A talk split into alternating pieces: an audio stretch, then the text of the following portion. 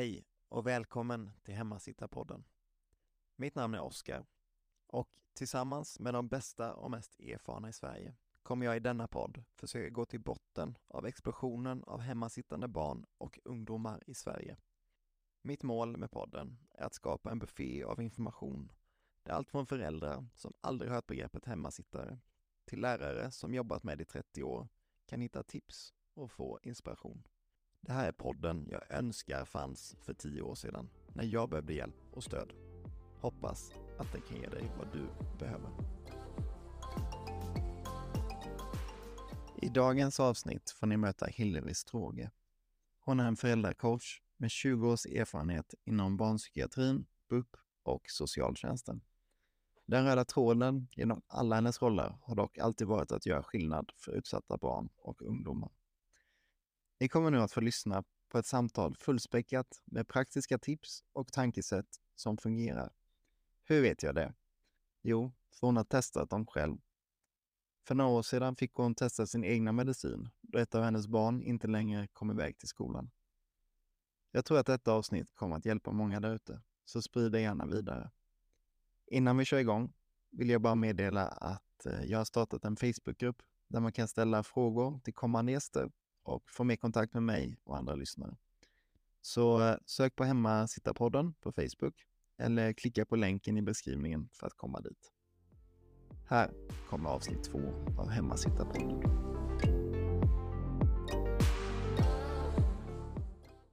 Hej Hillevi och välkommen till Hemmasittarpodden. Hej!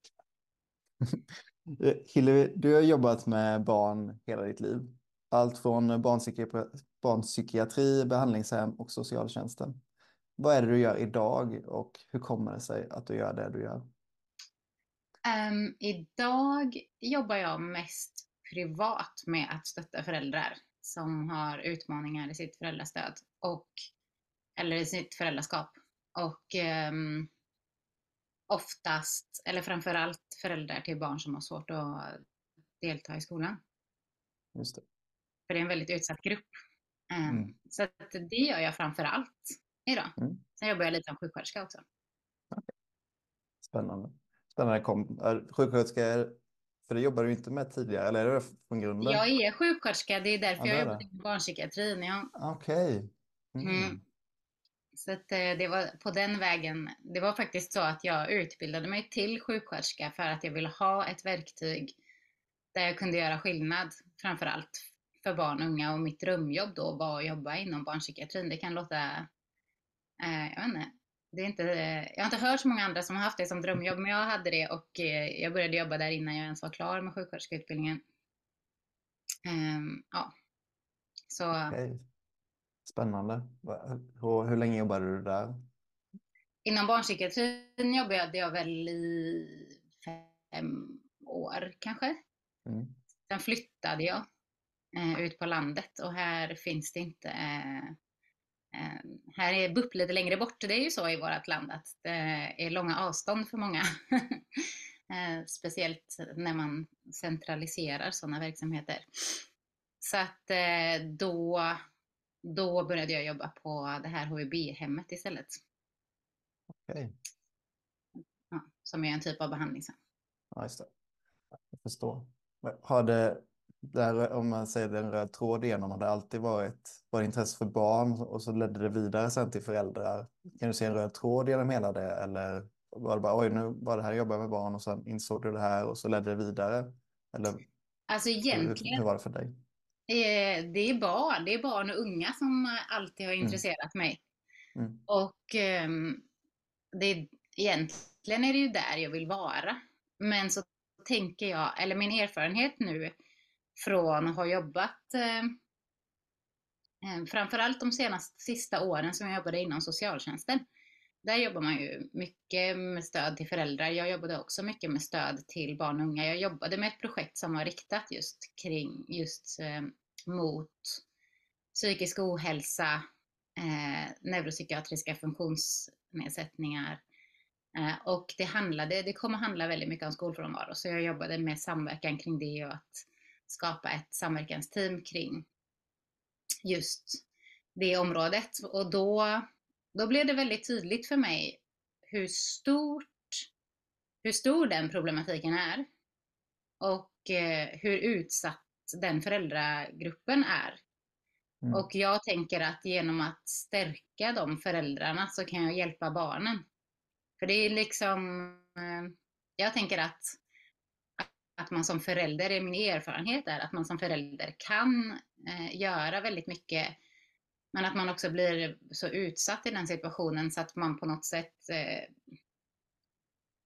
um, man blir så osäker och utsliten så att man eh, inte riktigt eh, kan ge kanske det stödet man kan. Alltså det blir en sån osäkerhet och just som jag kan se det lite i samhället också så är det en sån stor tilltro till liksom att ja, men bara, alltså, BUP ska hjälpa det, ska liksom lösa problemet eller socialtjänsten ska lösa problemet.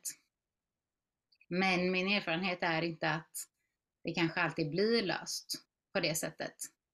Och jag tänker att man som förälder är man ju där 24-7 med sina barn och eh, det finns en hel del verktyg man kan använda för att eh, på ett mer strategiskt sätt kanske än vad man gör i ett vanligt föräldraskap stötta sina barn. Och sen handlar det ju om självförtroende och trygghet. För liksom, jag tänker att om man har självförtroende som förälder och man känner sig trygg, då är det också lättare att finnas där för barnen. Så just nu så är det väl mitt sätt att, att jobba med barn och unga, att hjälpa eller stötta och bidra till starkare föräldrar. Just det, det låter ju riktigt bra. Jag tycker det är väldigt spännande för vi har väldigt olika bakgrunder. Jag har jobbat med barn också i nästan alla mina år eh, inom skolan då. Eh, var min eh, approach lite på behandlingshem och SIS-hem och sånt. Men jag drog samma slutsats, för det jag tycker är intressant. Att jag, jag kommer från en annan bakgrund men och jag, var in, jag ville hjälpa barn och ungdomar. Men eh, jag hamnade också hos föräldrar och det är därför jag skapar den här podden för att hitta strategi, hjälpa, skapa strukturer och egentligen ta in Sveriges expertis på det här. Hur kan vi lösa det här problemet som eh, vi tydligen har? Och jag, tror, jag har läst lite att det inte bara i Sverige efter covid speciellt har det blivit ett väldigt stort problem i resten av världen också. Men vi, vi får fokusera på Sverige först. Men, vi, väldigt intressant. Vi, vi, samma slutsats. okay, föräldrarna är, är, ingången till barnen. Om vi hjälper och stöttar dem eh, och bygger upp starka föräldrar så får vi automatiskt starkare och mer självsäkra och trygga barn. Jag, jag, tror väldigt mycket på det också. Jag skulle vilja läsa ett citat från dig. Och det går så här. Jag vill hjälpa föräldrar att bli den bästa versionen av sig själva, rollmodeller för sina barn. Vad menar du med det? Eh, jag menar att, alltså egentligen kan man ju ta tillbaka det, dra det till ett annat citat som är barn gör inte som vi säger, de gör som vi gör. Mm. Eh, och eh, min övertygelse och drivkraft skulle jag väl säga också, det är att vi vuxna, och då tänker jag inte bara jag som förälder till mina barn, utan jag tänker vuxna kanske överlag, behöver bete oss på sätt eh, som stärker barn. Alltså det handlar ju inte om att tala om för barn vad som är rätt, till exempel hur man ska bete sig eller hur man ska, man, vilka typer av val man ska göra eller vad som är möjligt kanske i livet överhuvudtaget.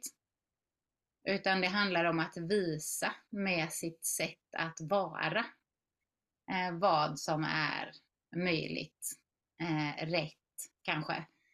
Vad som, eh, alltså att till exempel om jag ska säga, säga till mina barn att de ska visa omtanke för andra eh, så kanske jag behöver verkligen granska mig själv och se ja, men, hur beter jag mig mot andra människor. När jag är liksom kanske inte helt, när ingen tittar på till exempel. Hur uttrycker jag mig om andra människor? När jag tror att ingen hör. När jag inte liksom försöker bete mig rätt. Alltså vad är min, vad tror jag är möjligt i livet? Vilka steg tar jag utanför min komfortzon eh, för att visa barn att det är möjligt att ta steg utanför sin komfortzon.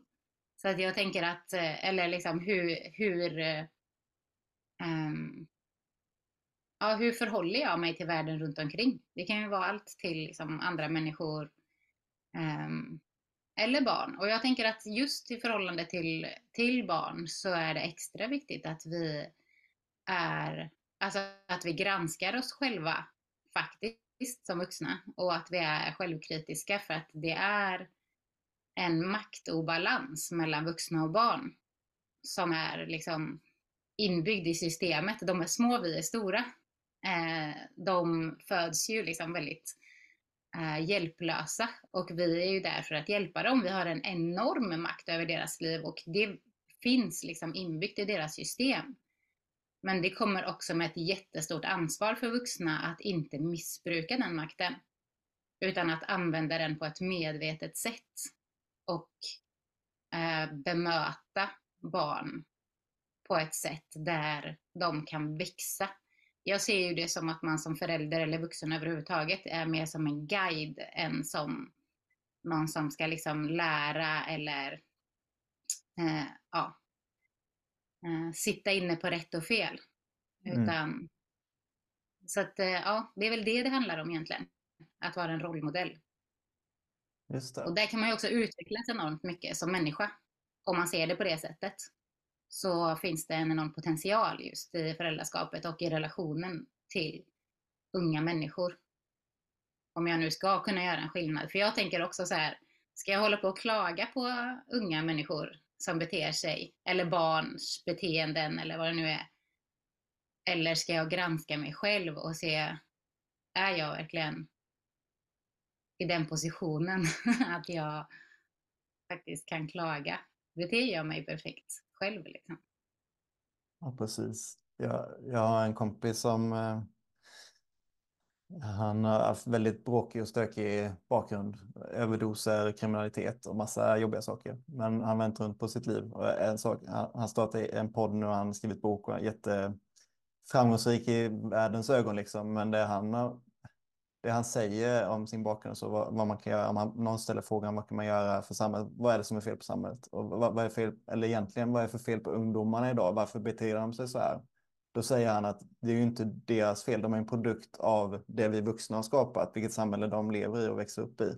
Så det är inte deras fel på det sättet att de, de är fel, det är något fel på dem, liksom, utan de är en produkt av det som händer i världen. Mm. Rätt eller fel eller inte, men vi kan inte skylla på dem. Vi får hjälpa dem då. Vi får, okay, vi är vuxna här. Då har vi mer ansvar i den här situationen just nu. Vi kan inte mm. lägga över ansvaret på nästa generation. Även om det är det man ofta gör kanske. Vi tar det här beslutet om tio år eller vi, man tänker inte långsiktigt liksom. Nej. Uh, ja, det är bara en liten sida som jag tänkte på nu. Jag tycker det är väldigt intressant det där. Uh, väldigt mycket om eget ansvar. Vad, vad, kan man göra själv för att ta kontroll? Skulle du kunna prata lite om det? Jag, jag vet att du har lite liknande tankar om det. Vad kan man göra till exempel som förälder då? Om man känner att jag har testat allting, jag börjar förlora hoppet nu, skolan gör ingenting, jag, jag är fast i det här, jag är helt ensam eh, och jag tror inte det blir bättre imorgon. Vad, vad kan man göra för att ta tillbaka kontrollen där? Alltså jag tänker att det handlar om lite olika, alltså olika Dels handlar det om olika perspektiv, som jag höll på att säga, men att man får också tänka på inom lite olika arenor om man säger så. Eh, ett område, ofta så blir man ju utmattad och känner en hopplöshetskänsla och en maktlöshetskänsla. Det är ju många föräldrar som uttrycker det på det sättet.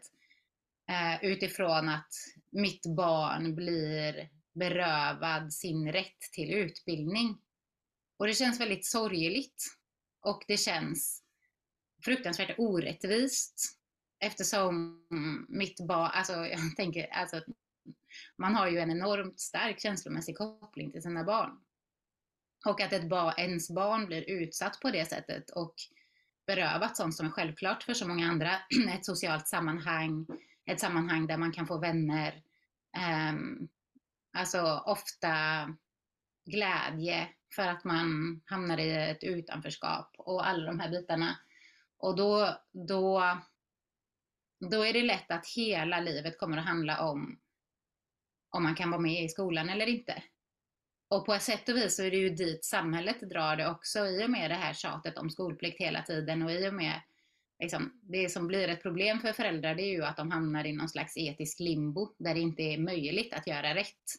Och det har man ju också sett när man har eh, tittat på hur de här föräldrarna mår så har de ofta en högre stressnivå än till exempel föräldrar som lever med barn som har missbruk eller just för att det är den här liksom omöjligheten. Eh, men jag tänker att det är väldigt viktigt att man dels som förälder ehm, får möjlighet att bli trygg i vad behöver mitt barn och bra på att kommunicera det. Eh, det, det jobbar jag med genom att kartlägga eh, hur barn fungerar utifrån liksom, historie, alltså hur det har varit, utifrån eh, behov, utifrån liksom, funktionsnedsättningar, alltså hur fungerar det här barnet? Eh, och sen kunna se hur kan, vilka områden kan jag liksom jobba vidare med för att stötta mitt, mitt barn. Ehm, och då, jag tänker att det är viktigt att liksom flytta ut sig själv också och se, ja men sko, alltså skoldelen är en del av arenan där vi kan utvecklas. Men det handlar ju om livet. Um, så ibland, man kan behöva sätta den här besvikelsen och um, liksom oron och om man säger ja men det är väl en besvikelse åt sidan lite grann. Så att inte den går och liksom kväver en hemma också. För alltså, om jag ska gå omkring och fokusera på allting som mitt barn blir utan när det inte får tillgång till skolsystemet så som det är tänkt eller det, inte får, det, det har inte möjlighet att delta där. Liksom. Eh, då, då är det ju också den känslan som jag går omkring och badar mitt barn i. Liksom. Och det är ju den känslan som jag går omkring och liksom är i hela tiden och som kanske sipprar igenom väggarna i mitt hus. Eh, så jag behöver ta ansvar för att liksom, hur kan jag förhålla mig till det? Och det kan man ju tänka så här, ja, det är ju lättare sagt än gjort. För att väldigt många föräldrar känner sig dessutom jagade av skolan, av socialtjänsten. Eh, många föräldrar som jag träffar är jätterädda för att eh, det liksom ska bli um, stora konsekvenser. De kanske blir hotade med vite, de har ekonomiska svårigheter, de ehm, är jätterädda för att socialtjänsten ska liksom lägga sig i eller kanske i värsta fall till och med ta barnen ifrån dem. Och den stressen, den är ju inte, det är inte rimligt, tänker jag. Så, så att det, men då handlar det ju också om att att skapa en trygghet och att jobba upp sin kompetens inom, om man säger föräldraskapet. Eh, så jag ska väl, skulle väl säga att jag jobbar med tre olika delar när jag hjälper föräldrar. Dels så är det ju det här med att kartlägga och skapa, om man säger strategiska och behovsbaserade interventioner. Så att man vet vad man gör och varför som förälder. Eh, och sen handlar det också om ett värdebaserat föräldraskap så att jag skapar en trygghet i mig själv för att om jag vet vilka mina värden är i ett föräldraskap så blir det också mycket lättare att um, bete sig, man säger, på ett sätt som ligger i linje med det. Alltså att jag, be jag behöver hitta min inre kompass. Uh, men sen jobbar jag också väldigt mycket med medveten kommunikation. Och det, och det, det handlar om hur, hur kan jag kommunicera till exempel både med mina barn eller med ett barn, något barn, det här gäller ju vem som helst som träffar barn, eh, på ett sätt där jag skapar en möjlighet för dem att också lära sig att uttrycka sig. För de här barnen har ofta väldigt svårt att uttrycka sig. Ofta när vi säger så här, men vad är det som är fel eller vad, vad är det som, hur mår du? Eller liksom, och så får man en axelryckning och de säger, jag vet inte. Och de vet ju inte, för det, det är omöjligt för dem att veta. Men vi kan hjälpa dem att veta genom medveten kommunikation. Genom att hjälpa dem att få referensramar så att de kan uttrycka sina behov, så att de kan få syn på vad som är fel, så att de kan förstå vad det är som händer och kan hjälpa oss förstå. Den andra delen av medveten kommunikation handlar ju till exempel om hur man hanterar möten eller hur man hanterar kommunikation med, ja, men, i den typen av sammanhang så att man också kan kommunicera på ett sätt eh, som om man säger, blir mottagligbart. Det handlar om att Och, och, det är ju också någonting som jag tänker att man hade haft stor nytta av inom skola och socialtjänst. Alltså hur, eh, hur kommunicerar vi på ett sätt där vi skapar en sam ett samarbete istället för de här liksom, eh, mellanrummen som ofta blir. Mm. Och hur kommunicerar jag på ett sätt så att jag kan få ett stöd som jag behöver. Liksom. Så att jag kan behålla kontrollen egentligen över situationen. Just det. Eh, det, var inte, det var ett långt svar på den frågan. det är jättebra. Jag, eh, det är en av de här bitarna, jag vill göra det tydligt. Du har ju jag tänker ett, en skön sak när man inte har makt, när man känner att jag är maktlös, jag kan inte göra, jag har ingen kontroll just nu. Det är ju att få ett system och sen bara följa det, liksom, så att man inte måste ta reda på allting själv, utan man har någon som håller handen där och guidar en igenom. Och det, det måste inte vara en person som dig, det kan ju också vara ett system eller en bok man läser eller en podcast man lyssnar på. Men det här, ditt system, det, här, det jag pratar om system är att du har dina tre delar i ditt koncept. Liksom. Du kartlägger du värde, värdebaserat föräldraskap och sen medveten kommunikation då till sist. Så om man läser dem, om man kan följa dem, okay, men då, vet, då har jag i alla fall, då vet jag var jag ska börja.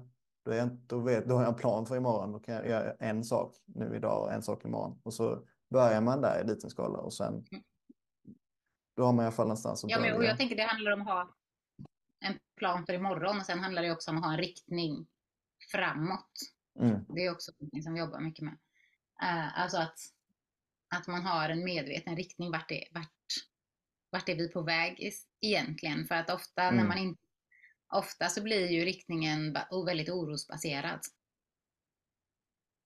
Alltså att man tänker att jag vet inte vad jag ska göra, jag är maktlös, uh, det är hopplöst. Um, och då skapar ju hjärnan automatiskt bilder av uh, vad som kommer hända i framtiden. Eftersom mm. hela mitt system är stressat så kommer ju hjärnan bara skapa massa bilder om av katastrof. Liksom. Och då kommer jag ju också bete mig på ett sånt sätt. Så risken är ju att jag omedvetet faktiskt, och det här kan ju låta lite taskigt, men det är så människor fungerar. Så det är lite svårt att komma ifrån det, att jag på sätt och vis blir delskapare av, eller medskapare till eh, det som jag oroar mig för. Mm. Om jag inte liksom hitta nycklar för att ta mig i en annan riktning. Exakt. Och det, det kan ju låta taskigt, men det är ju bättre att veta, om du är medveten om det så har du också möjlighet att eh, välja riktning då. Och då, när man inser det, eh, absolut det låter taskigt, men när du inser det, då, om du tar det ett steg längre så inser du också att om jag är medskapare till det dåliga som händer nu så kan jag vara medskapare till att skapa någonting bättre än jag har just nu också. Mm. Mm. Jag brukar eh, alltid när jag själv, om jag går tillbaka till mig själv, om jag har en jobbig situation är det någonting jag inte känner jag riktigt kan kontrollera. Och om jag tar ett steg tillbaka så är det alltid att jag har tappat, jag har ingen, på engelska heter det compelling future. Jag, du kanske har hjälpa med en översättning här, vad som är bra på svenska, men man någonting man ser fram emot, någonting som mm. händer mm. framöver som det kan vara en resa, det kan vara flytt, det kan vara jättemånga saker, om man ska köpa en hund eller vad det än är som passar i ditt liv. Men någonting som du ser fram emot eh, som kommer hända en bit framåt. Mm. Eh, om du inte har det, jag, jag, tänker alltid att det är det som är problemet eh, i många av de här fallen, inte bara med, psykisk ohälsa och, och hemmasittande och så, att man tappar tron på att det kommer bli bättre imorgon. Eh, eftersom det, ja. man kollar tillbaka, det har varit dåligt tidigare, då kommer det vara likadant framåt också. Ja, men det måste precis. inte vara så. Nej, och det är ju det som är, det är, ju det som är grejen, att man behöver ju, alltså för min egen del så är det väldigt tydligt, alltså jag behöver ju utgå ifrån hur en människa fungerar, hur hjärnan fungerar. Det är ju någonting som har fördjupat mig enormt mycket i de sista åren för att jag är nördigt intresserad. Eh, både för min egen del, eh, liksom inom personlig utveckling för min egen del, hur, hur jag fungerar och hur hur jag blir mer medveten om mig själv. Jag har eh, om man säger, iakttagit mig själv och mitt eget beteende konstant i tio år nu. Eh, och det blir väldigt eh, Alltså det jag, jag, tycker att det är sjukt intressant men, och det är också väldigt svårt att komma ifrån att människor även om vi också är individer och fungerar individuellt och därför behöver vi jobba med kartläggning för just den här personen. Jag kan inte kopiera en kartläggning från ett barn och tänka att precis samma saker funkar för ett annat, för att vi fungerar lite olika. Så är vi också människor och det finns mycket grundläggande funktioner hos människor och hos människors hjärnor som gör att vi beter oss på ett visst sätt. Och att vi um, reagerar på ett visst sätt och att vi liksom, om man förstår de sakerna, det är ju en stor del av bakgrunden till de här, man säger strategiska interventionerna som jag pratade om. Det mm. handlar ju om att förstå hur en människa fungerar och då utifrån det eh, använda verktyg som, som gör en skillnad. Liksom.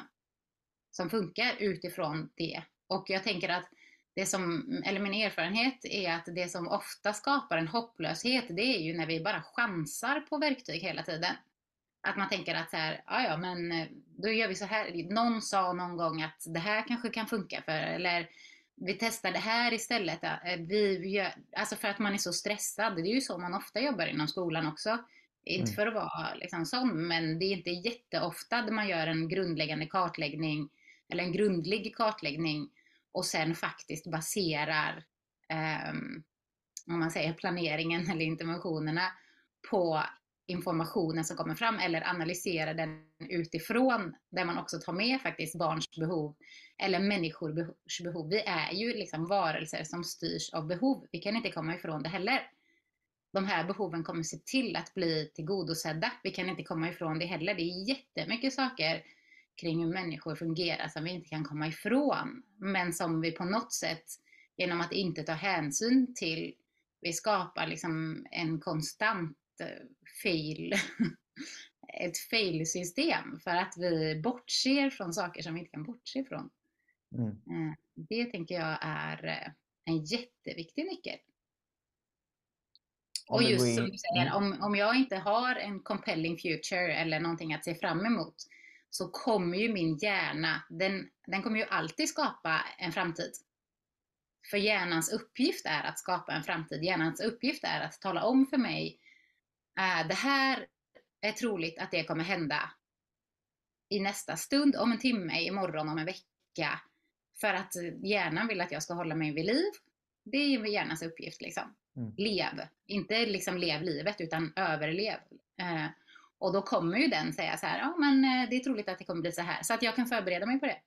Det är omtanke. Hjärnan är jätteomtänksam för den vill att jag ska överleva. Så om jag inte är där och skapar någonting medvetet så kommer ju hjärnan baserat på mina känslor och baserat på min erfarenhet skapa en framtid som jag behöver liksom förbereda mig för. Så oavsett om jag är deltagare i den framtiden eller inte så kommer jag gärna göra det. Och då tänker jag, då är det ju bättre att vara medveten om det och delta. Okej, okay, vilken framtid vill jag ha liksom? Exakt. Hur behöver jag förhålla mig till det här? För att den framtiden som hjärnan skapar kommer ju totalt påverka min upplevelse av nuet. Mm. Och, och, det är också lite så ifrån, för det är så hjärnan fungerar. Så mm. jag skulle säga att jag baserar allting som jag gör på hur människor fungerar. Mm, bra utgångsläge. Ja, jag tänker då. det. Det blir bättre. det blir bättre. Om, om vi går på, in på lite tekniska eller mer konkreta saker kanske man kan kalla det. Om vi säger att du imorgon skulle ett av dina barn visa för, första tecken på att bli en hemmasittare, så kallad hemmasittare att det inte vill gå till skolan, har lite oro i magen, kan inte riktigt sätta ord på det. Men vad är det första du skulle göra då? Eh, alltså nu har ju jag ett barn som har varit hemma från skolan länge. Jag har ju den mm. erfarenheten som förälder också. Mm. Um, och och det, det uppstod ju under tiden som jag jobbade med det här, vilket dels har gett mig möjligheten att, om man säger, prova min egen medicin och dessutom ut, alltså utveckla den kanske. Men också få erfarenheten att hur det är som när man har den relationen, föräldrarelationen. Det är skillnad att vara lärare till ett barn som inte är i mm. skolan. Eller vara behandlare till ett barn som inte är i skolan. Eller vara socialsekreterare till ett barn som inte är i skolan. Eller vad man nu är. mot att vara förälder till ett barn som inte är i skolan. Det är en jättestor skillnad och jag tänker att um, det, man behöver vara ödmjuk mot det när man träffar föräldrar till de här barnen. Eh, men eh, jag tänker också att det är svårt att avläsa de tidiga tecknen. De flesta vill inte se det. Jag kan se nu i efterhand alla tidiga tecken, ända sedan förskolan, liksom, eh, på att eh, vi skulle hamna där vi hamnade. Eh, och det är ju lätt att vara efterklok, det är det ju alltid liksom. Men jag tänker att det, det, det viktiga är att gå tillbaka till sina värden och till sin barnsyn. Och sen handlar det om att vara stark i det och kunna kommunicera det. Um, vad skulle jag göra? Jag har, liksom, som sagt, jag har ju barn som inte, skol, som inte um, skolsystemet passar för. Mm. Um, och eh, det handlar ju hela tiden, det handlar ju om att hjälpa dem att förstå vad som händer, skulle jag säga.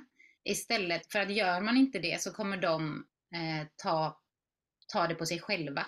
Det är de som är värdelösa. De här barnen som är hemma från skolan har ofta jättedålig självkänsla. För att de klarar inte av att delta i någonting som det ser ut som alla andra kan delta i. Och de förstår inte varför. Och finns det ingen orsak så är det för att man är dålig. Värdelös. Eh, dum i huvudet. Till exempel det är ju någonting som jag tänker är väldigt viktigt att hjälpa barn att förstå att det handlar inte om det. Det handlar om att det blir en krock emellan dina behov och hur du fungerar och eh, det som du får, eh, det som händer i den här miljön. Och sen handlar det ju i nästa steg om hur kan jag hjälpa mitt barn att utvecklas ändå, att bli starkare inom de här områdena där det blir en krock så att barnet eh, i framtiden kan hantera kanske den typen av utmaningar som det står inför här. Liksom. Um, för att man kommer ju alltid stöta på utmanande sammanhang genom hela livet. Så det kan ju vara bra att träna på hur kan jag, alltså hur kan jag, hur kan jag förstå vad som händer och hur kan jag bli starkare i vad som händer. Men det tar ju tid. Det tar ju tid för alla. Så det är ju inte någonting man bara kan liksom, slänga in. Men jag tänker att det viktigaste är att lyssna till sina barn, att ta det lugnt. Um, att um, ta hjälp. För att det är jätteutmanande. få ta hjälp av dig då. för, som, men som ett exempel kan man ju göra det, men eh, det jag finns skojar. ju... Jag skojar, det men det, det, jag skojar lite då. det jag ja. tänkte, för om, det, om man går in på, det är jättebra allting du säger, jag tror det kommer hjälpa jättemånga. Men antingen, det, jag, mitt, eh, om man inte känner mig så jag använder humor när det blir en jobbig situation. Det kan vara jobbigt för vissa. Min fru hatade i början när jag började le när vi bråkade. Det blir ingen bra sak, så det det jag har fått lära mig. Men jag, jag, använder i de flesta andra fall så är det bra att använda istället för att börja lägga sig och gråta så väljer jag att skratta och så försöka hitta något positivt med det. Så mm. anledningen till att jag skojar lite här är för att det, det är jobbiga saker vi pratar om och det är allvarliga och många lever mitt i det här nu och du är en av dem. Eh, och du har hittat de här sakerna, rutinerna och eh, verktygen och sånt. Eh, men det jag tänker är att om, om det här, vad tänker jag? Alltså jag tänker att det är jätteviktigt med, mm. alltså med glädje, uh, humor. Um, alltså i de här sammanhangen så tänker jag att det är livsviktigt. Så en fantastiskt bra poäng som du fick in där. Det är klart, alltså jag, om, om mitt barn ska kunna må bättre. Jag, jag brukar, förklara, jag brukar liksom ha liknelsen som att ett barn är en krukväxt. Mm. Och jag som förälder eller vi som föräldrar eller vi som finns nära det här barnet, vi är liksom jorden i krukan. Och det är ju från den här jorden barnen får, barnet får sin näring. Så vilken typ av jord är jag i krukan? Jag, ska jag gå omkring och liksom deppa och må dåligt över det här? Eller, och, och då, vad, vad, vad suger mitt, upp barn, mitt barn då upp? Mm. Ifrån jorden. Och det här är också någonting som kan kännas så här, men vad fan måste jag, ursäkta att jag svär, eh, ska jag, hur ska jag kunna gå, nu får jag dåligt samvete för att jag också mm. går omkring och mår dåligt. Det ja, handlar inte om det. Alltså man, man får som förälder må dåligt ibland, ja. men att hitta strategier, det, det, skulle jag säga är en av de absolut viktigaste sakerna som jag har jobbat med för min egen del. Mm. Eh, det handlar om kommunikation och, och vad förmedlar jag? Hur är jag när jag är med mitt barn? Um, liksom hur, hur kan jag hur kan jag i alla fall så mycket som möjligt eller liksom hur kan jag alltså hur kan jag så mycket som möjligt eh, få in glädje? Och då handlar det ju om att separera. Okej, okay, jag, jag, jag är i skola när jag är i skolan. Mm. Och sen släpper jag det. Jag låter inte hela dagen handla om skolan. Absolut inte. Nej, Nej det, det tror jag också jättemycket på. Jag kom på vad det var jag ville komma till med min lilla skoj innan. Mm. Hoppas ingen illa upp, men du verkar inte göra det i alla fall, så det är bra. Men, Nej, det, det, min poäng är, okej, okay, om man, nu, man inte vet att du finns så är det första stället man går till är BUP och sen är det barnpsykiatri och sen är det de här bitarna som mm. vi, som du och jag i alla fall vet, men de för, nya föräldrarna vet ju inte att de hoppas ju fortfarande att de ska få den hjälp, all de hjälp de behöver där. Att det är liksom lösningen ultimata. De sitter och väntar i två år i kö och så mm. nu kommer vi äntligen fram. Och så blir man, då blir det ju en besvikelse där att nej, det blev inte som jag hade tänkt mig. Mm. Förväntningarna krockade med verkligheten och så yeah. kanske man tappar hoppet ännu mer. Uh, och så står man där, vad ska jag göra nu? Och så skolan vet inte, BUP vet inte. Och då är man uh, vilse där igen. Vad, vad gör man i den situationen?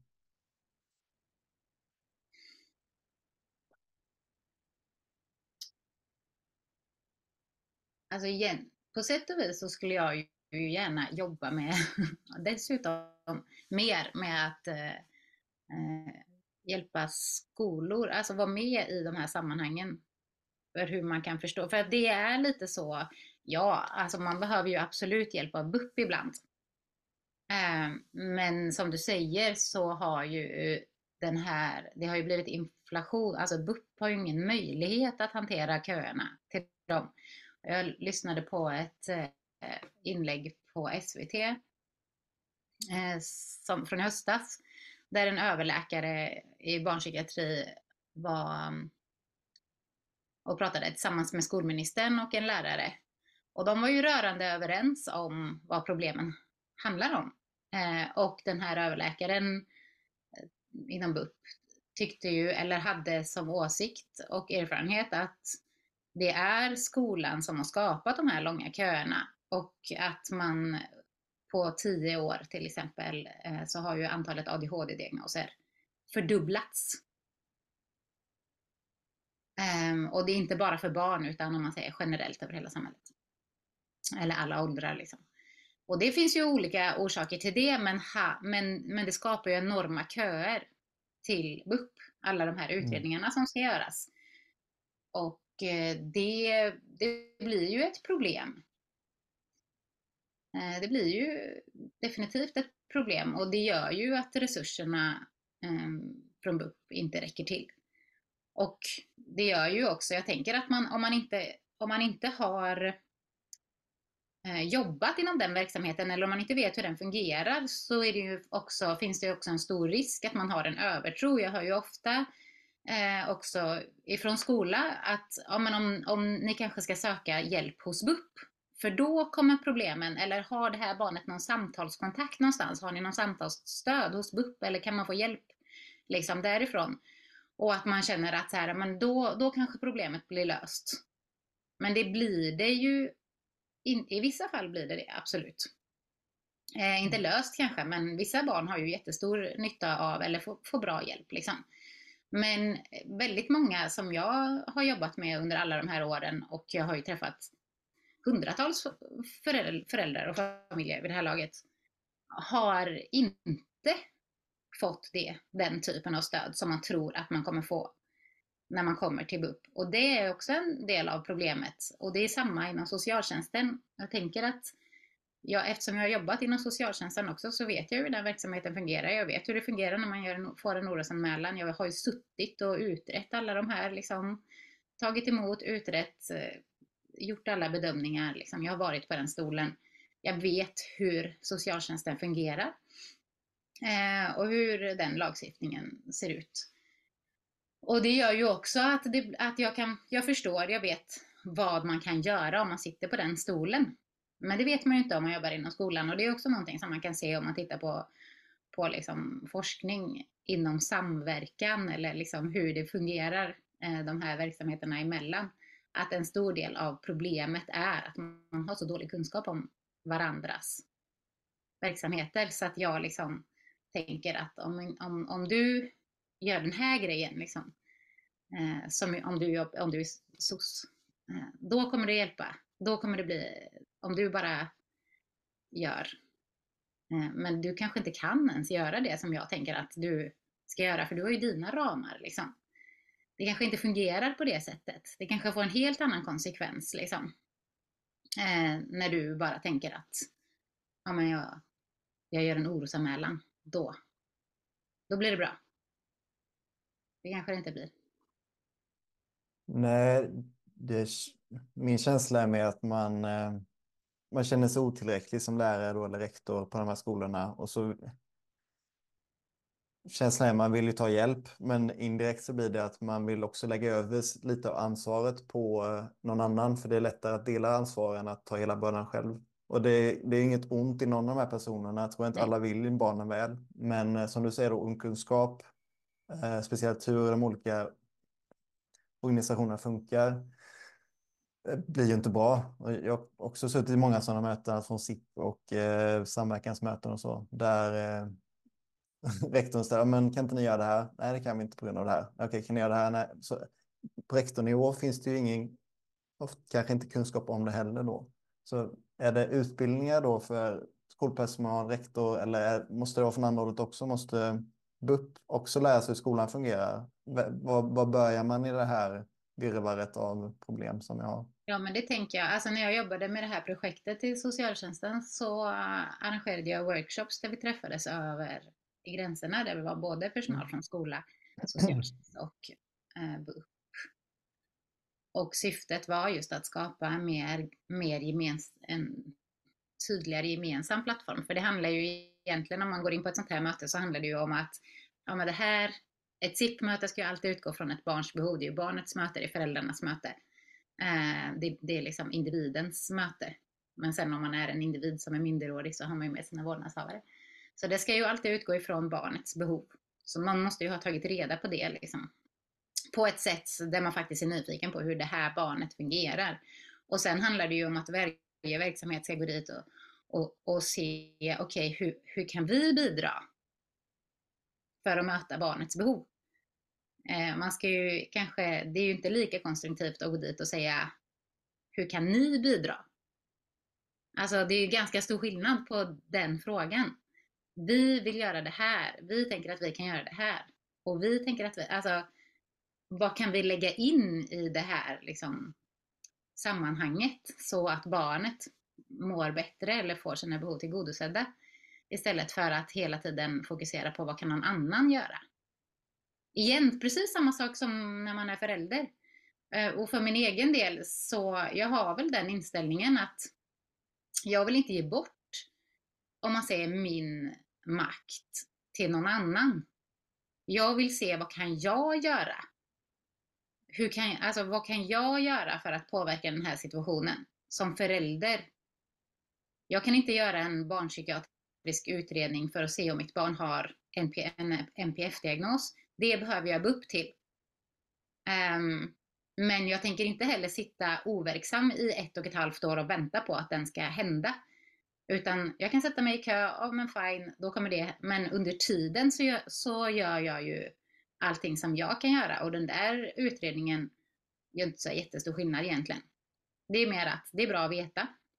Eh, beroende på vilken diagnos man får så får man lite olika rättigheter i samhället. Man kan få medicin om man får en ADHD-diagnos. Man kan liksom, det, det, är väldigt, alltså jag tittar ofta ganska krast och logiskt på saker. Eh, det blir lite som ett pussel alltihop liksom.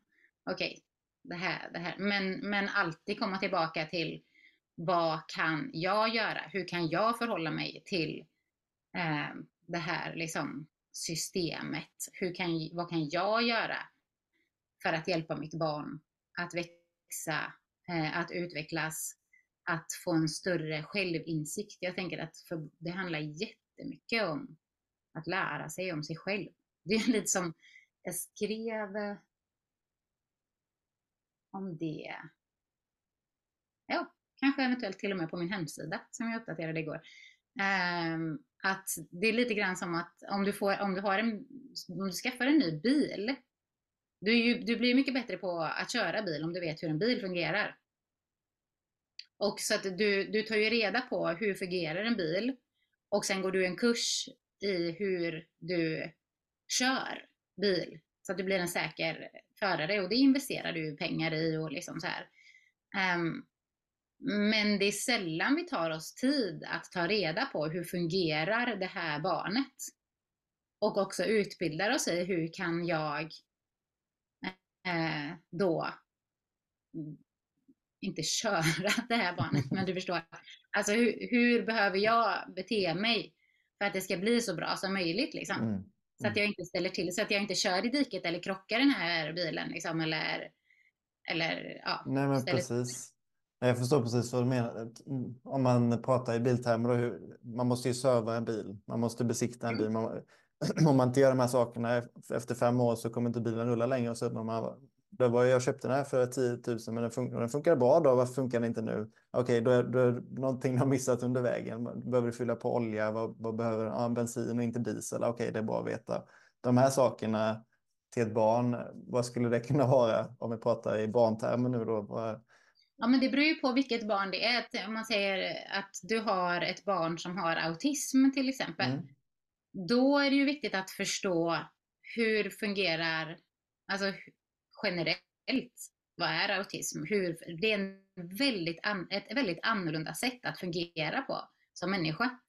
Och jag tänker att det, där krävs det ju att förstå att du inte riktigt kan förstå hur det här barnet fungerar för att du kanske inte, alltså om du inte har autistiska drag själv så kan du använda dem, eh, alltså använda sin egen erfarenhet till att förstå en annan person. Det är ju bra till en viss gräns.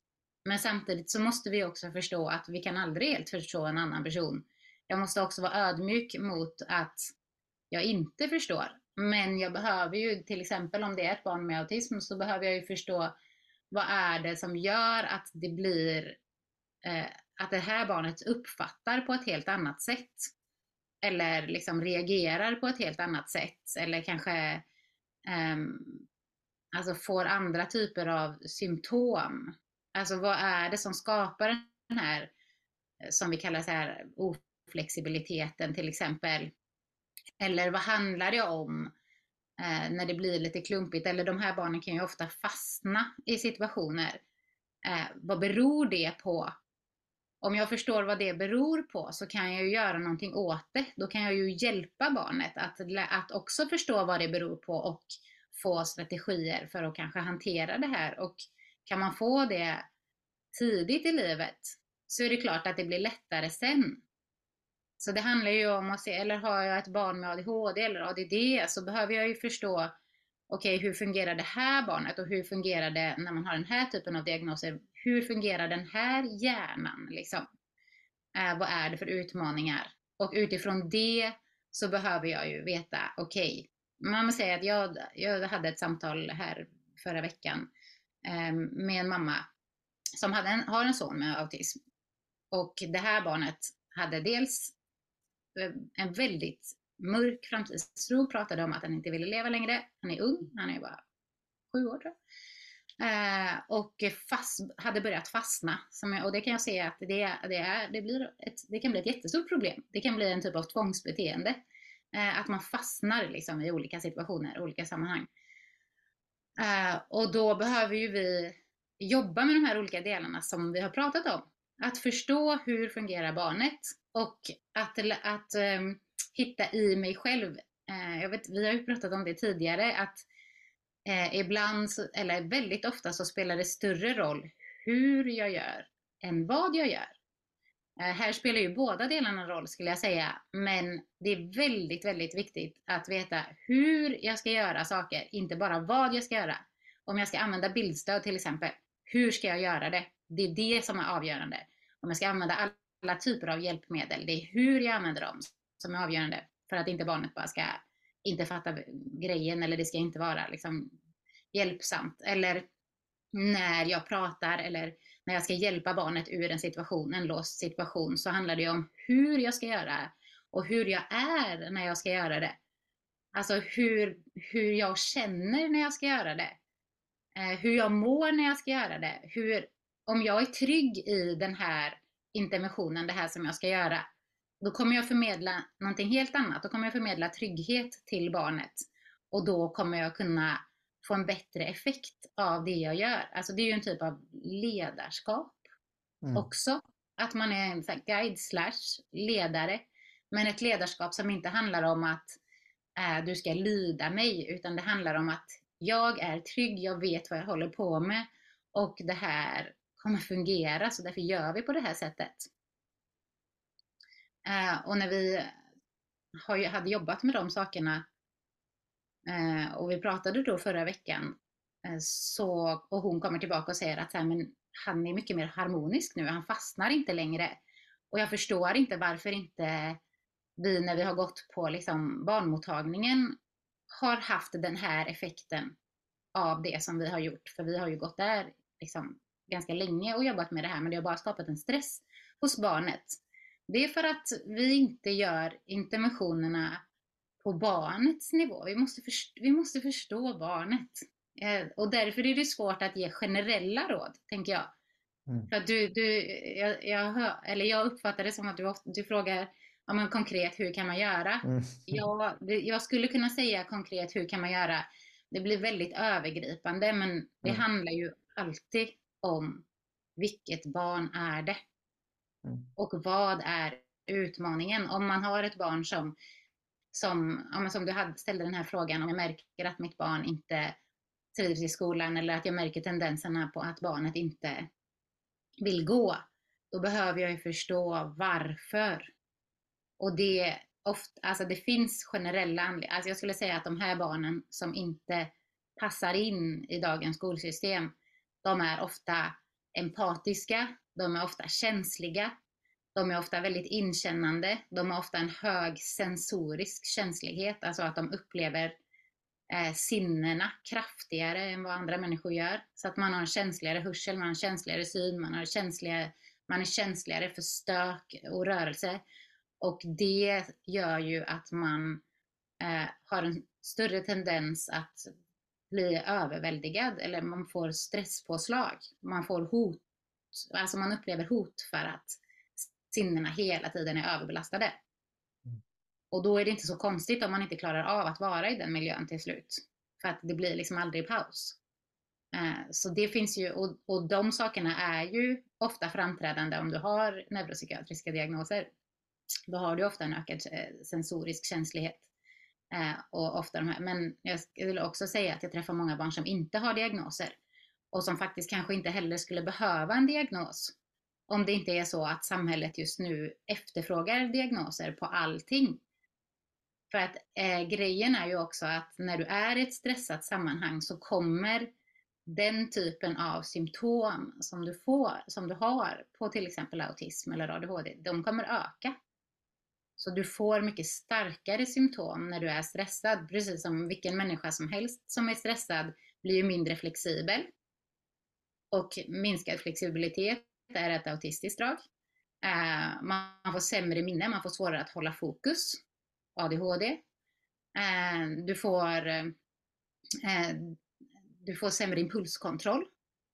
Du blir lättare arg, du exploderar, du kan inte hantera dina känslor när du är väldigt stressad, ADHD. Alltså så här, du ser att det, det, det finns samband mellan stressnivå och drag på de här eh, diagnoserna. Så att det, jag tänker att man behöver, ja, man behöver se sammanhanget, man behöver förstå personen, man behöver liksom, och det, jag tänker att, alltså jag har ju jobbat i hela mitt liv med det här. Jag började jobba med barn och unga när jag var liksom 16. Um, ehm, och var färdig, ja, och började jobba på BUP när jag var 26. Ja, det har gått några år. Um, så jag tänker att det kanske inte är självklart. Det, är, det som är självklart för mig kanske inte är självklart för alla andra. Men det är det jag vill bidra med. Mm. Det är därför jag gör det, är därför jag liksom gör det jag gör. För att jag tänker att det är viktigt och det är viktigt för de här barnen att de får ett bemötande som inte liksom bryter ner dem. Jag tycker inte det är okej. Jag tycker inte det är okej att vi har ett system som bryter ner barn. Det är, jag kommer aldrig acceptera det. Nej, vi har tur som eh, har dig Hillevi. Kämpar för, för oss. alltså, det är inte som att jag har ett val i det. Men du måste. Utan eh, det är bara så. Det är, nej, jag kan inte acceptera det. Nej, nej inte jag heller. Ehm, jag har, eh, jag har en sista fråga till dig. Men innan vi tar den så om man nu gillar det du säger här och vill ha hjälp av dig eller din kunskap, var, var, kan man hitta dig då? Hur kan man kontakta dig? Och var hittar alltså, man dig? Jag har ju en hemsida som heter Hillevis Droger. Du kan bara söka på mitt namn så hittar du den. Mm. Eh, sen har jag en Facebookgrupp eh, där jag delar jag lite live ibland och delar strategier helt gratis och med. Eh, den heter Starka föräldrar. Så där kan man ju alltid, dit kan man alltid gå. Där är man välkommen och där det ska vara en plats där man ska kunna känna sig trygg, där man inte ska bli dömd. Men det ska också vara en konstruktiv plats där vi inte liksom fokuserar bara på allt som inte fungerar utan där vi, eh, där vi tillför liksom konstruktiva verktyg. Så att det, det är väl där man kan hitta mig. Och sen kan man ju alltid kontakta mig via dem, via hemsidan eller via Facebookgruppen eh, såklart om man vill ha mer personligt stöd och verkligen, om man säger, utvecklas inom det här området. Inom alla de sakerna som vi har pratat om idag. Så, så jobbar jag ju med det. Um, ja. Mm, jättebra. Jag kommer, när det här avsnittet kommer ut så kommer ni kunna hitta det längst ner i vad det heter, disk, ja, länkarna kommer vara ner. Information. Det kommer både din grupp där och eh, hemsidan. Eh, så nu till sista frågan. Om, eh, om jag hade gett dig ett trollspö som eh, när du viftar med det så får du ändra på en lag i Sverige eller en ordning. Eh, ta bort den, lägga till den. Va, vad hade du tagit bort då eller vad hade du lagt till? Alltså den hade man ju behövt tänka igenom lite. Men spontant utifrån eh, området som vi har pratat om nu som handlar om barn och skola och eh, barns rättigheter, då hade jag tagit bort skolplikten. Mm. Ehm, för att jag kan inte se hur man kan ha, in, absolut inte för att eh, jag är emot att barn ska lära sig eller att barn ska gå i skola på något sätt. Ehm, jag tänker att barn att vi som vuxna behöver liksom vara guider för barn och se till att de får eh, en relevant utbildning för deras del eh, och uppmuntra deras lärande. Men jag skulle inte säga att det är det skolan eh, alltid står för idag. Och när man har ett skolsystem som, som inte är tillgängligt för så många barn. Det är ju tusen och åter tusentals barn tiotusentals, hundratusentals barn, inte bara liksom, tusentals, som inte klarar av att delta och hur det, hur det påverkar de här barnen och hur det påverkar de här familjerna. Jag kan inte se hur man eh, liksom parallellt med det kan ha ett tvångsbaserat system där du måste med tvång delta eller vara på en plats där du far illa. De två delarna går inte ihop för mig. Och eftersom vi inte lyckas lösa problemet, vi behöver lösa det imorgon eller idag, för de här barnen far illa varje dag. Att säga att man ska, ja men vi inför en, nya kursplaner, eh, vi jobbar på det här om 10 år, om 20 år. Vi, vi har ändrat lärarutbildningen så nu lär man sig mer om NPF. Men vad fint! Då kanske de barnen som har NPF om 10 år har nytta av det. Men de som går i skolan nu och som inte orkar leva längre eller som tror att de är helt värdelösa eller som får sin självkänsla och sitt självförtroende helt nedbrutet eller som hamnar i utanförskap vid 8, 9, 10, 13, 14 års ålder. De barnen behöver vi också ta hänsyn till och vi kan inte ha en lag som tvingar dem att vara på en plats där de bryts ner. Det funkar inte för någon. Jag tänker att genom att ha det så lägger man, om man tittar på det här med ansvar igen, så lägger man ansvaret på barnet. Om man skulle plocka bort skolplikten, jag tycker det är roligt att liksom experimentera med den tanken, då skulle vi ju behöva skapa en plats dit barn vill gå istället. Istället för en plats dit barn måste gå. För så länge du har ett tvångssystem så behöver du inte anstränga dig så jävla mycket, för de kommer gå dit ändå. Och jag tycker att det är eh, lathet, om jag ska vara helt ärlig. Eh, om du tar bort skolplikten så skulle det dessutom finnas möjlighet att skapa andra system. Skolplikten har dessutom inte funnits så himla länge. Den infördes ju i samband med att de ändrade läroplanen 2011. Innan dess mm. så var det inte, innan dess så var det tillåtet att hemskola även i Sverige. Det är många som inte vet om det. Mm. Eh, så det är ganska nytt ändå. Eh, att man har alltså gått åt andra hållet i Sverige. Från att man har kunnat hemskola, även om de flesta kanske inte visste om det, till att det är förbjudet nu enligt lag. Eh, men jag tänker att om man, eh, om man plockar bort, när man plockar bort tvång, precis som för mig som förälder, antingen så kan jag jobba med tvång i mitt föräldraskap, eller så jobbar jag med att mina barn vill delta. Antingen tvingar jag dem att delta eller att göra sysslor eller att liksom, eller så jobbar jag med att det ska finnas en mening för dem att delta, att det ska vara lustfyllt, att man ska trivas, att, att man ska vilja gå dit. Tänk om man hade en skola dit barn ville gå. Vad skulle det skapa för samhälle?